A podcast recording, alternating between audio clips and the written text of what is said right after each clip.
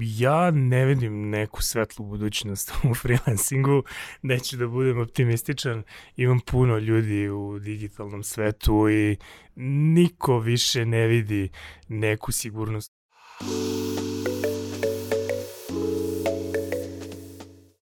Ćao ljudi i dobrodošli u još jednu epizodu netokracijnog Office Talks podcasta.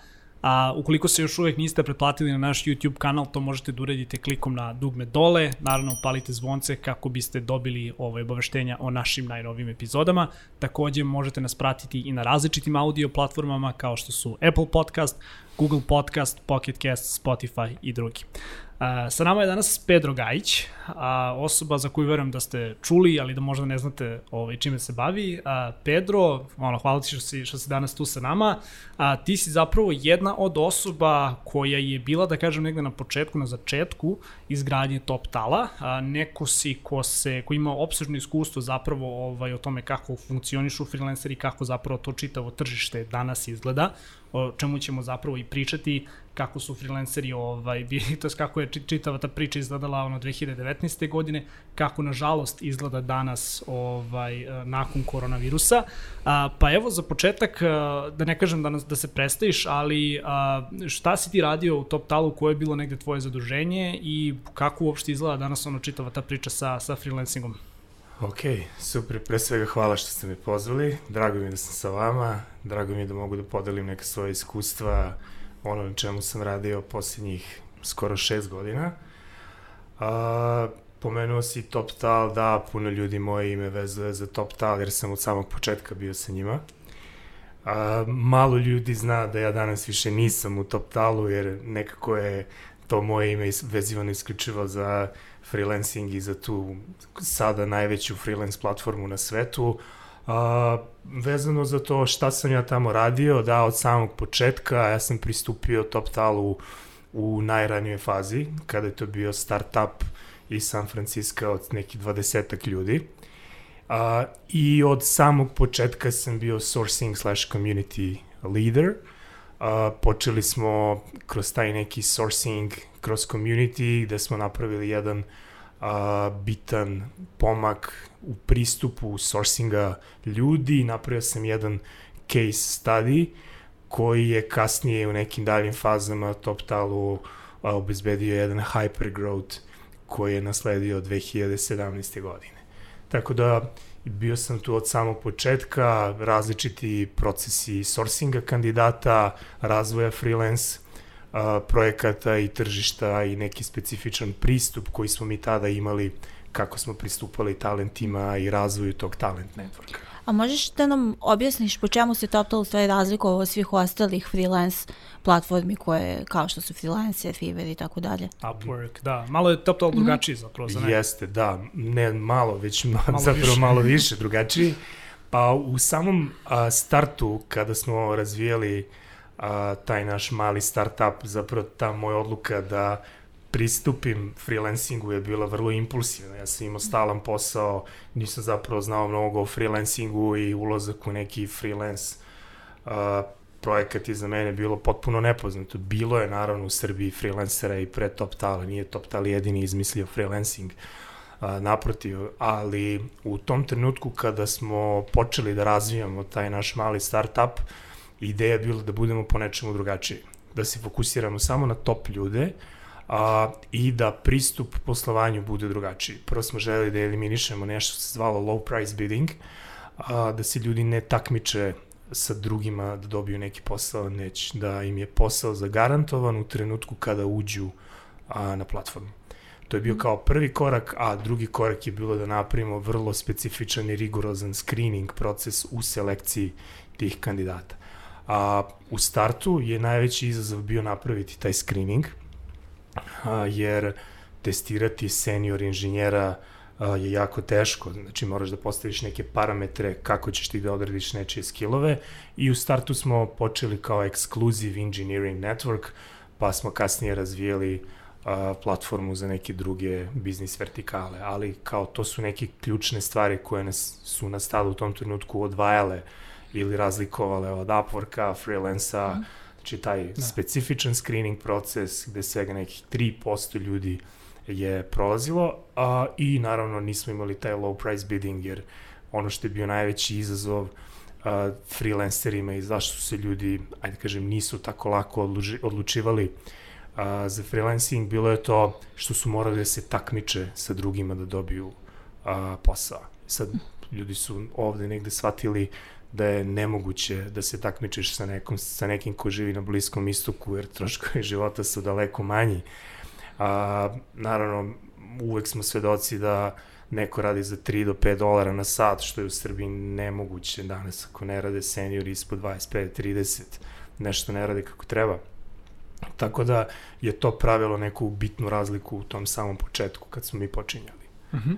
E sad, reci mi, ja znam a, dosta nekih mojih prijatelja kao ono iz zajednice koji su nešto radili na Totalu. Nikad nismo pričali o tome kojim su se poslom bavili, glavno su to da kažem bili UX dizajneri, što je na primjer igra slučaja, ali a, koje su to da kažem negde, koje ste poslove zapravo sve, koje ste da kažem opet ovaj, profile ljudi zapravo sve ovaj, imali na top talu, da li su to bili isključivo dakle ono inženjerski, da kažem developerski, dizajnerski poslovi ili je to bilo malo više da kažem možda i biznisa i marketinga? Da, pa u samom početku kad smo počeli da razvijamo pre tih nekih šest godina, a, zapravo platforma je osnovana kao Top Talent, skoro 8-9 godina ima, ali te prve dve godine su bile u nekoj R&D fazi, a smo aktivno počeli da razvijamo tu negde početkom 2014. A, neki, ajde da kažem, globalni cilj je bio da razvijemo taj engineering network.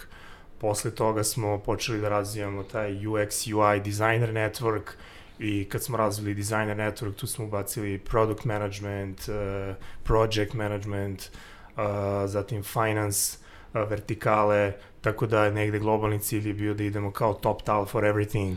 To i dalje mm. jeste neka vizija kompanije da se razvije u tom smeru ali opet kao taj engineering network je najprepoznatljiviji i to je u stvari taj engineering vertikala je meni obezbedila neko, ajde kažem, popularnost jer sam bio jedini u celom top talu koji ima taj javni exposure širom sveta i onda su ljudi počeli moje ime da vezuju za Top Tal, jer kao nije bilo konferencije u svetu gde neko nije pričao o Top Talu, a igno slučaj sam to uvijek bio ja. I onda su ljudi kao mene počeli da vezuju za Top Tal. Ali opet kao negde u ljudskoj prirodi je da se ljudi vezuju za ljude, a ne za firme. Da. I onda si je negde taj ovaj, rast koji smo kasnije dobili, taj hyper growth u kom smo pričali mnogo puta, uh, je zapravo bio taj community moment gde su oni prepoznavali čoveka koji je direktno mhm. davao inpute bez obzira što smo mi 100% remote bili, ljudi su mene fizički viđali na konferencijama, imali priliku a, da me vide. Pričamo o stotinama konferencija da. širom sveta. Top Tal je baš oko dosta popularno u Srbiji i ja sam, ako se ne varam, i čuo zapravo za tebe prvi put na nekoj od konferencija. Jedan interesantan podatak koji evo, možda možeš da mi potržiš. Čuo sam da je zapravo tokom godina, i to isključivo zbog tebe, Top Tal dosta ulagao, da kažem, promovisanje same ovaj, kompanije ili naravno i edukaciju ove zajednice širom regiona e, sponzorisanjem različitih konferencija, događaja. Znam da vam je to bio ovako baš jedan ono, da. izuzetno da. bitan moment. Jeste, jeste. Dobro si to ovaj, izvukao i vidi se da si se spremio za ovaj... Pa da, mislim, mogu neke sad brojke ovaj, da iznesem, ali recimo blizu milion dolara je investiran u razvoj tehnoloških zajednica i to je nešto na čemu sam ja insistirao kroz taj moj case study i za razvoj a, community-a, pa zapravo pristup je bio vrlo specifičan i to je nešto na čemu sam samo ja radio. Jeste taj pristup uh, razvoju tehnoloških zajednica. I to je kasnije uh, navelo mnoge firme iz regiona da promene svoj uh, pristup tom nekom sourcingu. Uh, mi smo od samog starta razmišljali dugoročno. Shvatili smo da pool nekih senior talenata nije toliko veliki. Da ćemo u nekom trenutku -hmm. dostići svoj maksimum, jer uh, tržište je takvo, ljudi ili odlaze iz zemlje, napuštaju Balkan generalno i morali smo napravimo neki način kako mi da razvijamo taj pool. E, I onda smo napravili nekoliko pravaca kako mi da razvijamo tehnološke zajednice sad. Da li ih podržavamo finansijski, da li da dovodimo neke od najboljih predavača koji imamo u našem networku. Razvili smo scholarship program uh, to je stvari Top Tal Female Scholarship program gde smo stipendirali mlade devojke koje ulaze u IT da, da ih motivišemo da što više žena uđe u IT i razvili smo nešto se zove Speakers Network i Top Tal Academy program. I kroz te neke kanale smo širili i razvijali tehnološke zajednice uh, širom sveta. Naravno, počeli smo sa tim primjenom ovde najviše na Balkanu, a, kad smo se razvijeli, Srbija je dobila neki veliki rast, taj neki hyper growth, da smo u prvoj godini mog dolaska negde zaposlili blizu 40 ljudi, ako se ne varam, Uh, ogroman je bio turnover na tih 40 ljudi, kasnije smo opet počeli uh, da rastemo i onda smo naravno taj isti model primenili širom regiona, Španija, Portugal, Poljska, neke zemlje koje smo targetirali kao veliki pool talent. E sad, mi smo spomenuli i dugoročne planove kompanija, spomenuli smo i te konferencije i došli smo u stvari do razloga zašto smo te mi sada pozvali ovde, a to je taj čuveni COVID-19 i sve ono što je izazvao. I ako mogu da kažem, tektonski je promenio naša shvatanja dugoročne strategije.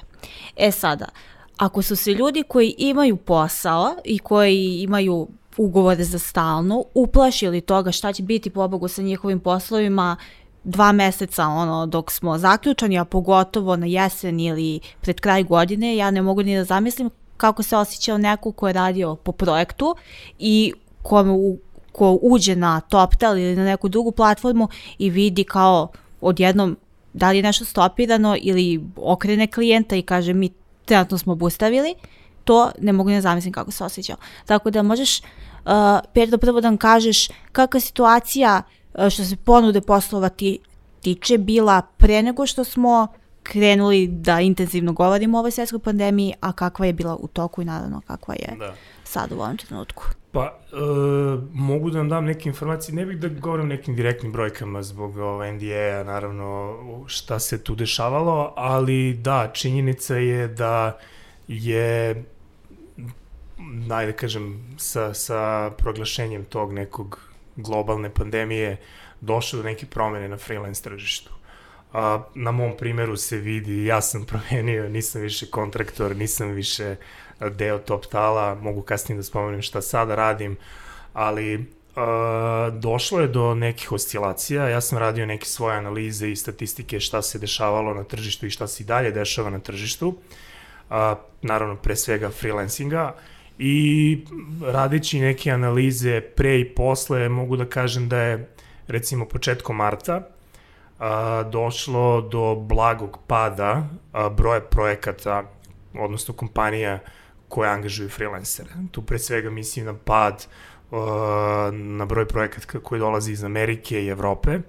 A, Australija nešto kasnije beleži taj pad kao i Azija, ali ajde kažem da su Amerika i Evropa tu negde početkom marta bile imali neki najveći drop down, skoro možda 25% a, je bio manji broj projekata koji se pojavljuje.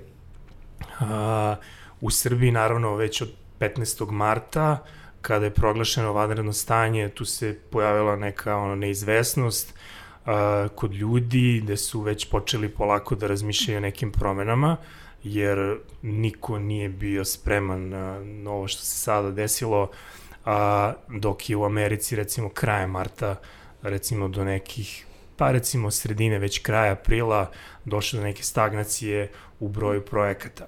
E sad, to je mnogi ljude navalo krenu da razmišljaju o tome šta dalje. Sad, jeste značajno uticalo uh, na razvoj freelancinga i razvoj freelance talenata ovde, ali ja bih tu dodao i novi zakon o preduzetništvu, uh, koji je počeo se primenjuje početkom godine, gde su ajde kažem, većina tih freelancera su bili, naravno jesu kontraktori, neko od njih posluje kroz agencije preduzetničke, a, neko je u nekoj možda sivoj zoni, to mi ne znamo, ali opet nekoliko je ovaj, faktora koji utiču na taj mm -hmm. pad a, broja talenata. Naravno, imali smo pad broja projekata od nekih 20-25%, o prvih dva meseca od marta do negde kraja aprila uh, je bio zabeležen pad broja projekata, ali je zabeležen i pad broja freelancera koji hoće da freelansuju.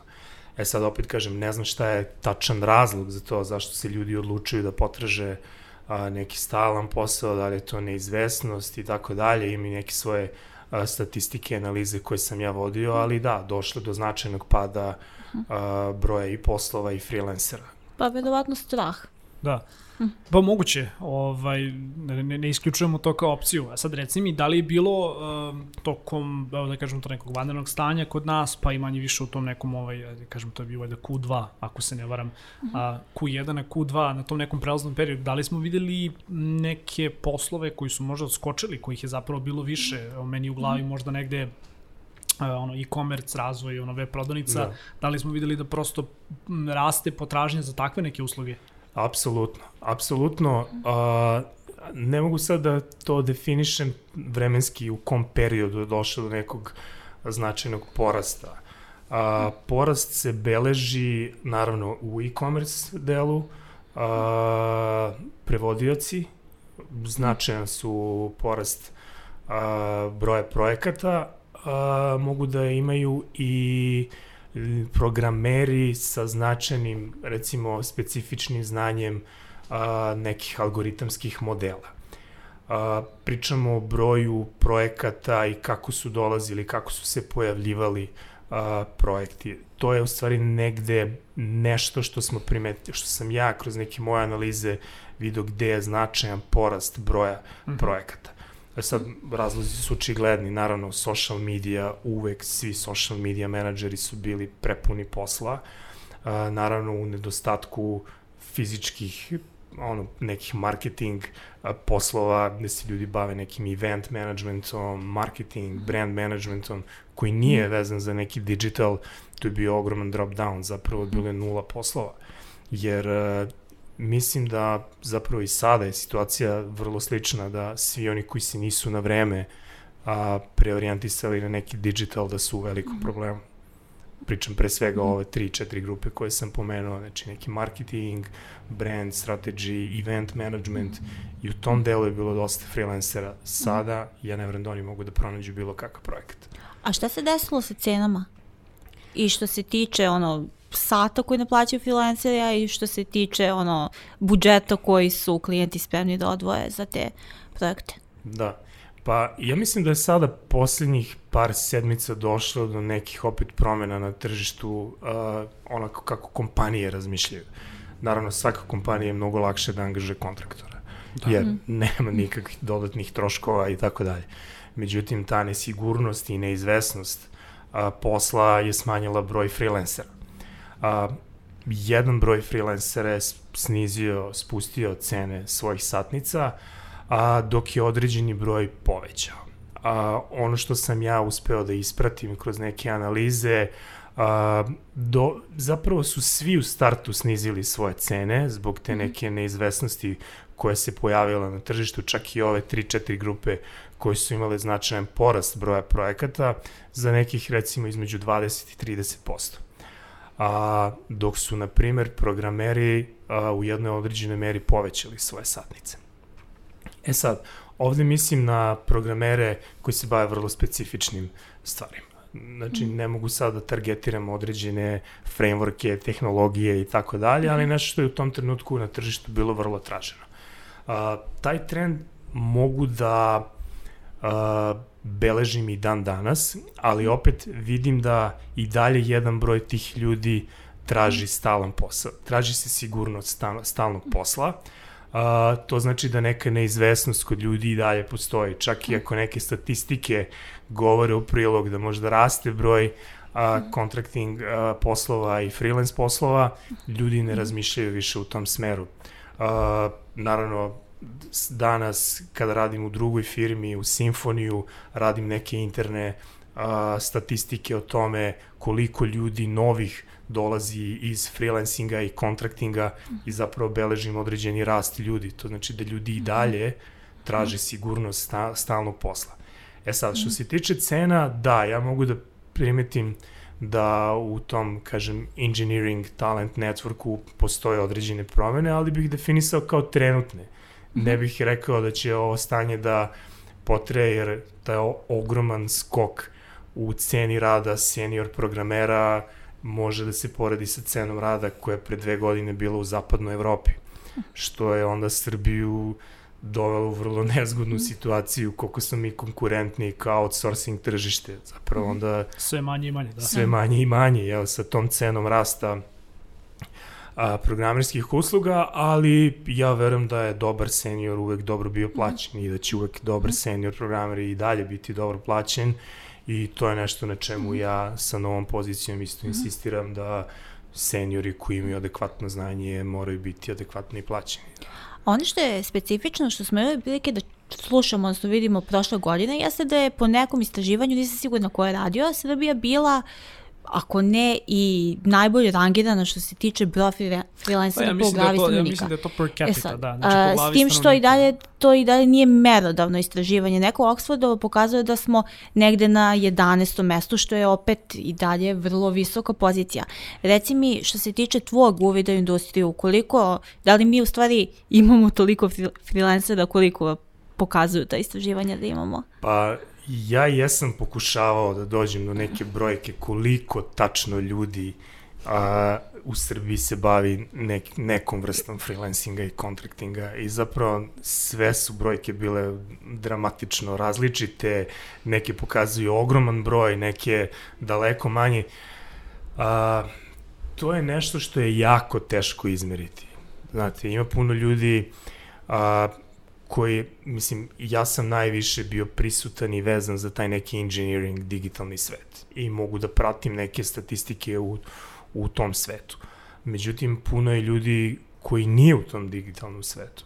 Danas smo svi u digitalnom svetu, smo prinuđeni da budemo a, u tome, ali zapravo nikad, ja ne znam da li postoje relevantni podaci koliko zapravo freelancera ima. Ja znam koliko mm -hmm. ih ima u top talu, pričamo o ljudima koji se bave ovih 4-5 kategorija koje smo mi imali tu, ali je jako teško odrediti pravi broj freelancera, jer danas svako od nas ko ima neke skillove, poznaje neki jezik, treba mu neki posao sa strane, registruje se negde, napravi svoj profil, odredi satnicu i dobija neke dokumente koje može da prevodi, recimo. Tako da posla ima, zapravo za mnoge danas ima posao, ali opet je nemoguće odrediti koliko ljudi to radi kao stalni posao, kao part-time posao, dodatni, koliko ljudi mhm. zapravo živi od toga i nemoguće je odrediti a, koliki je neki finansijski obrt u tom freelancing svetu. Da. A reci mi, mislim, to je svakako bilo moje, moje do, ovaj, naredno pitanje, ali a, ajde, ok, ne možemo da govorimo možda o svim platformama. A, da li možda možeš da nam otkriješ koliko je ljudi dolazilo u top tal kojima je to bio jedini posao, kojim je bio, da kažem, jedan izvor prihoda, makar kada, kada je naše okruženje ovaj u pitanju, koliko ljudi je dolazilo tu da im to bude, ajde da kažem, kao nekakav side hustle, Da. Da li, da li su zapravo imali uslove da radi isključivo za top tal, da li su mogli da radi na drugim mestima, da li su mogli zapravo da budu, ne znam, full time zaposleni ovde u nekoj firmi, pa da ono, rade na top talu ovaj, ono, posle svog radnog vremena, kako je čitala stara da, da, da. funkcionisala? Pa, opet kažem, ni to nije nešto če, za što ja imam neke ovaj, tačne podatke koliko je zapravo njih dolazilo kod nas na full time, part time i tako dalje. A, naravno, svima koji su dolazili na top tali je bio bitan taj neki finansijski moment. Jer je tada, pre par godina, TopTal bio najatraktivnija platforma sa najboljim satnicama, sa top klijentima, međutim sa rastom i kompanije i drugih platformi a, došli smo do toga da zapravo te neke satnice mogu da se dobiju i čak i na mhm. lokalnim firmama. Danas mhm. postoje firme, IT firme koji imaju svoje ajde kažem, koji nisu outsourcing biznisu, koji imaju neki svoj produkt koji mogu da idu sa vrlo visokim satnicama ka mhm. seniorima. A, opet možda outsourcing nije a, neko ko je bio konkurentan, ali danas su i outsourcing firme konkurentne. A, tako da u tih prvih dve do tri godine je veliki broj ljudi dolazio na platformu u potrazi za nekim, ajde kažem, finansijskom promenom. Ja imam slučajeve širom sveta, uh, na primjer, jedan programer iz Meksika, s kojim sam i dan danas u kontaktu, njemu je TopTal u potpunosti promenio život. On to vezuje za mene. Da sam mu ja promenio život i svake godine za Božić on se seti i meni pošalje čestitku, šalje mi slike svoje porodice, kuće i tako dalje. Ja mu uvijek odgovorim isto, nisam ja zadužen za to, ti si doprinao. Ali on je tada radio za Meksički telekom sa nekom satnicom recimo 800-900 dolara i onda ima značajan skok na recimo 4-5 hiljada dolara što je u Meksiku ogromna zarada tako da ima... Da, kao i ovde, da. Da. Tu smo negde. E, da, i sada, a opet kažem, cene su se sad značajno promenile, plate, ali opet imam takih slučajeva širom sveta gde su ljudi mene prepoznali kao nekog koji mi je promenio život. Ne kažem, ne, ne, ne, sami ste sebi promenili život, ja ste samo usmerio kako da pronađeš pravi put. Ili, ne znam, imamo slučaj čoveka koji je otplatio kredit u švajcarcima za godinu dana. Bio je senior programer u lokalnoj firmi koji vratno nikada ne bi isplatio da je mm. nastavio da radi, ali mu je ovo tada ulazak u top stao značajno to olakšao. A reci mi, pored finansijske komponente koja svakako jeste bitna i ajde koju možemo negde da vežemo za top tal, a ako govorimo o freelancerima, ono, generalno, a pre korone zašto su se ljudi odlučivali zapravo da budu ono slobodni kontraktori, da budu freelanceri, da, da budu, ovaj, da kažem, da imaju tu mogućnost da negde nisu vezani nužno za radno mesto, ono za posao koji je 9 do 5. A, koji su bili, eto, kažem, pored te glavne finansijske komponente i drugi razlozi zašto su ljudi ulazili u freelancing? Pa, bilo je neka dva do tri faktora koji su ljudi birali za freelancing. Pre svega, fleksibilnost radnog vremena, to je bio kao jedan od prvih motiva zašto su ljudi mhm. postajali freelanceri, ne samo u TopTalu, pričam mhm. generalno. A, drugi bio finansijski moment, a, jer naravno kada uzmeš svoju bruto platu pa sam odlučiš koliko ćeš da uplaćuješ neke svoje doprinose i značajno povećava tvoje primanja. I treći je negde bio a, mogućnost putovanja, života na različitim lokacijama i ono što sam ja primetio da prva stvar koju ljudi urade kada dobiju jedan dugoročan, dobro plaćen freelance projekat, to je da otputuju negde daleko. I onda rade se te udaljene lokacije i, ovaj, i to je recimo pa recimo od 2015. do 17. bilo ono kao must do, svi su to radili. Da, bio baš veliki porast u broju ljudi koji su se deklarisali kao digitalni nomadi. Tako je, tako je. I ja jesam na neki način i počeo da promovišem to kroz društvene mreže, jer sam ja proputovao ne znam ni sam koliko zemalja gde sam mm živeo i radio i onda su ljudi tako i viđali mm -hmm. i mene i Top Tal i mogućnost tog nekog digitalnog nomadizma kako da ga zovemo i ja se jesam od tih prvih godina najviše fokusirao a, na neke zajednice koje upravo promovišu taj neki nomadski da. način mhm. života. Jel? I sad smo došli u situaciju gde svi da. ti benefiti, možda izuze finansijskog, da. ono, ne služe ničemu kad su zatvorene granice. Tako je. I spomenula si, što je sasvim logično, da većina ljudi sada traži sigurnost, da. što je sasvim normalno kad očekuješ krizu.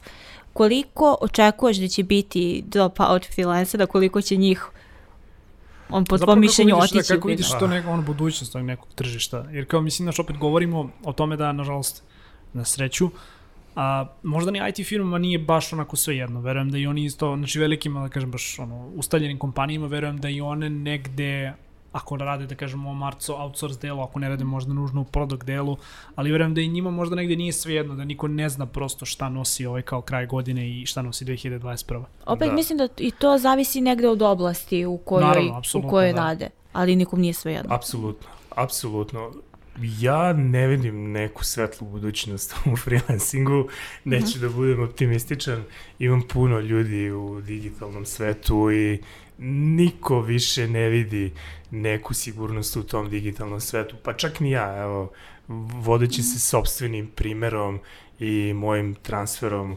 u drugu firmu gde sam sada stalno zaposlen, a s tim u vezi sam vam donao i neke poklone. No, hvala. Sada pokloniti. Hvala. Izvolite, ovo je moja nova kompanija, Symphony, neću mnogo da pričam o e, tome jer sam drugim hvala. povodom ovde, ali opet uh, vodeći se sobstvenim primerom uh, i ja sam u jednom trenutku odle, odlučio da taj contracting zamenim sigurnošću sta, stalnog posla. E sad, moje neke statistike koje sam ja lično vodio je da je recimo 6 od 10 senior programera a, koji su bili jako bliski sa mnom su i mene kontaktirali u potrezi sa nekim stalnim projektima i tako dalje.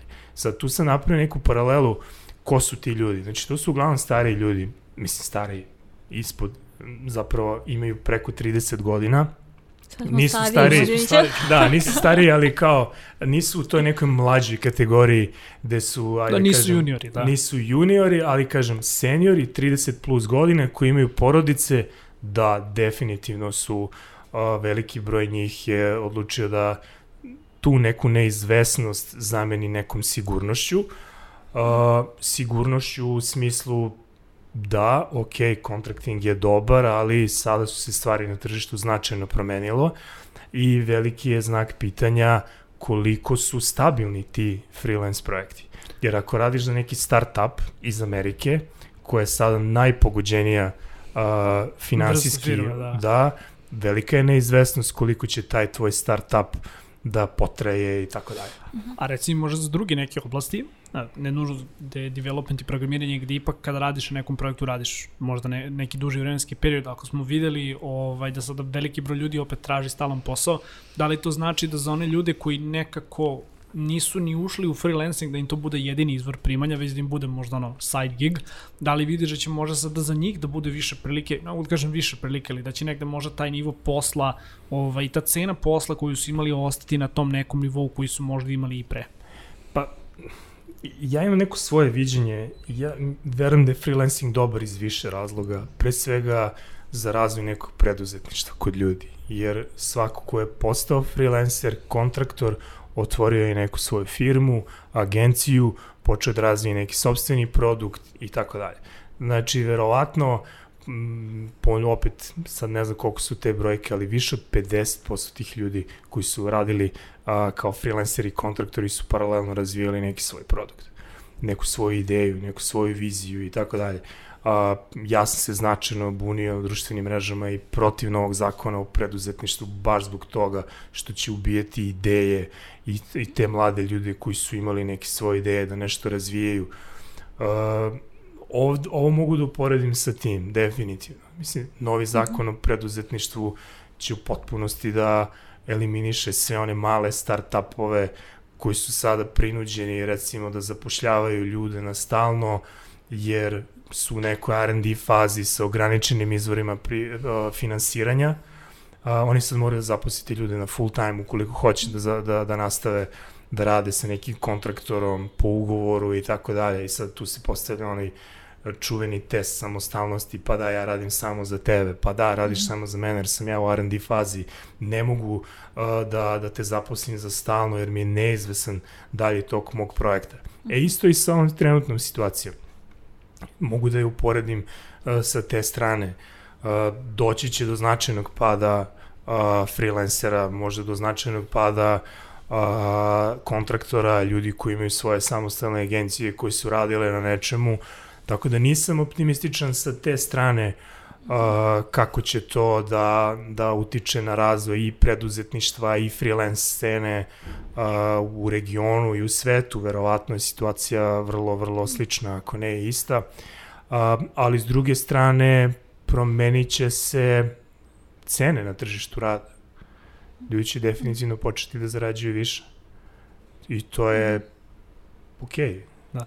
A reci mi, evo sad, pošto nam je ostalo još u principu toliko vremena da, da negde ovaj, sumiramo manje više u priču, da li veruješ da će digital kao takav rasti, znači da li veruješ da će tu biti nekih padova, a ako će biti padova, koji će to možda sektori biti ovaj, u okviru ove naše ono, IT zajednice možda naj, najviše pogođeni? I generalno kako ti vidiš uopšte ono kao tipa neki naredni period u dve godine, ko, kome će da cvetaju ruže, kome neće baš biti tako ovaj, lepo i ugodno? Ne znam, ne znam. Pričam na tu temu sa mnogo ljudi iz svog okruženja i ljudi koji rade u velikim poslovnim sistemima, poput Microsofta, IBM, oni osjećaju neku sigurnost i to je okej.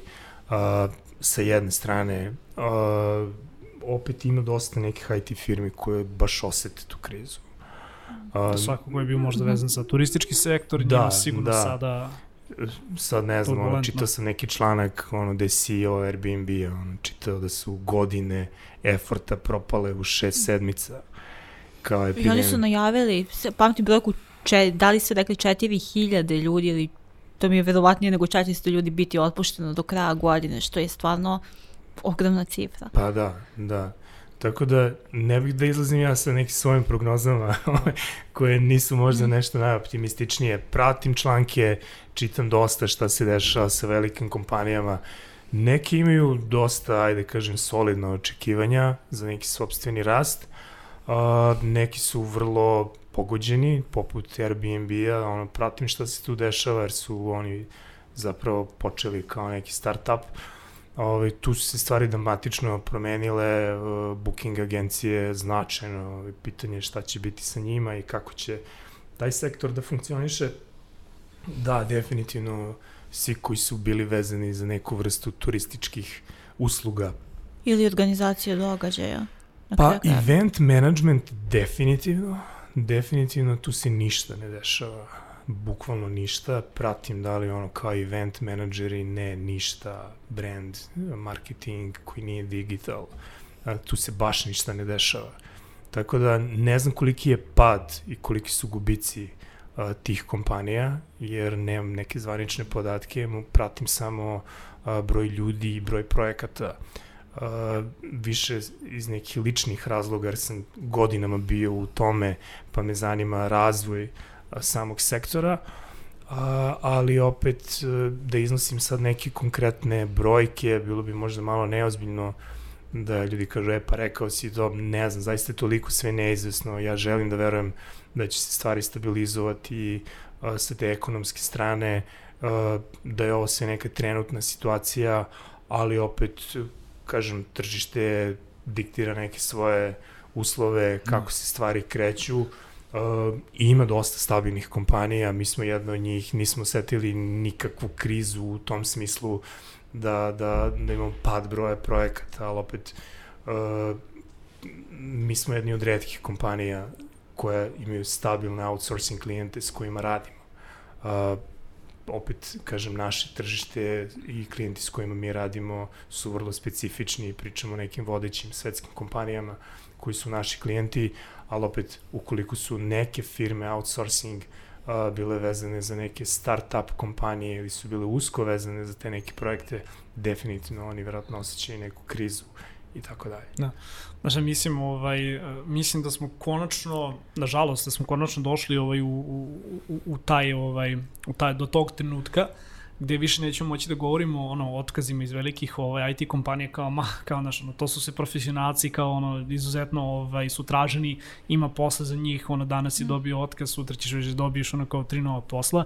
Mislim da je sada situacija definitivno zbiljnija, da moramo negde ovako svi kolektivno da se zapitamo, ok, ono kao šta je to pred nama, mak, makar kada IT industrija u pitanju, ali, bože moj, tu smo pa, ono... Da, pa digital, definitivno, svi koji se nisu preorijentisali na neki digital, ove ono, poslednji, poslednje zvono da to urade i da, da pređu u neki digitalni svet. Ajde, kažem, mi smo dugo u tom svetu, ja već 15 godina sam u IT biznisu, prošao sam sve neke ove, sektore u tom IT-u, od ono, hardvera, prodaje, business developmenta, software developmenta, uh, projektnog menadžmenta, mislim, sve sam to negde radio uh, u svom životu, pa kao dobro poznajem kretanja u IT tržištu, ali ne znam, uzmite primjer nekoga ko se ceo život bavi marketing.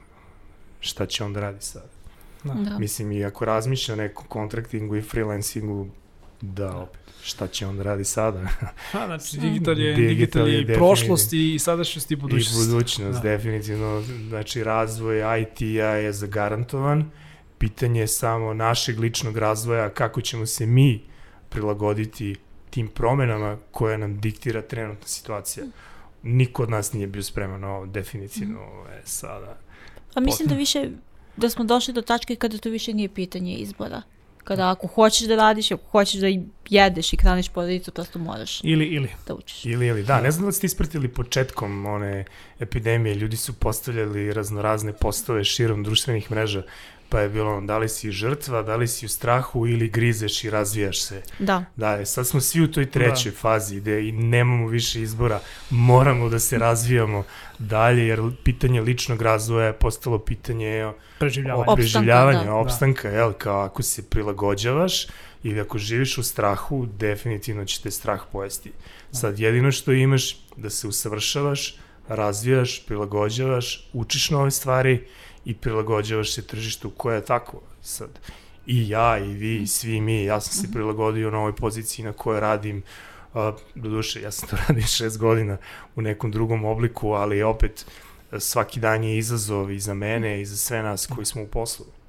Evo i mi smo pokrenuli podcast tako da smo se na, na sebi svojstven način ovaj, prilagodili i, i da kažemo ovaj, spremili za, za neku novo ovaj, poglavlje. Apsolutno Pedro, hvala i pozdravljam ti, da. svakako ovaj, svaku vrstu podcasta jer sam veliki fan podcasta, bude i gledam, slušam šta god, uvek se neki podcast vrti kod mene. Da, nadamo se da pratiš onda netokraciji i Novi Stocks da. na regularnoj bazi. Pedro, a, hvala ti puno što si bio ovaj današnji gost, što si ovaj, došao kod nas ovde u studiju, što smo zapravo popričali o ovoj bitnoj temi. Za vas, gledalci i slušalci, još jednom ovaj, obaveštenje da kliknete na subscribe dugme, upalite zvonce kako biste dobili notifikaciju kada izbacimo ovaj, novu epizodu. Ukoliko nas ne gledate na YouTube-u, možete nas slušati na Apple podcastu, na Google podcastu, na Pocket castu, na Spotify-u i prepostavljam još par ovaj, audio platformi. Toliko od nas danas. Pozdrav i čao. Pozdrav, hvala.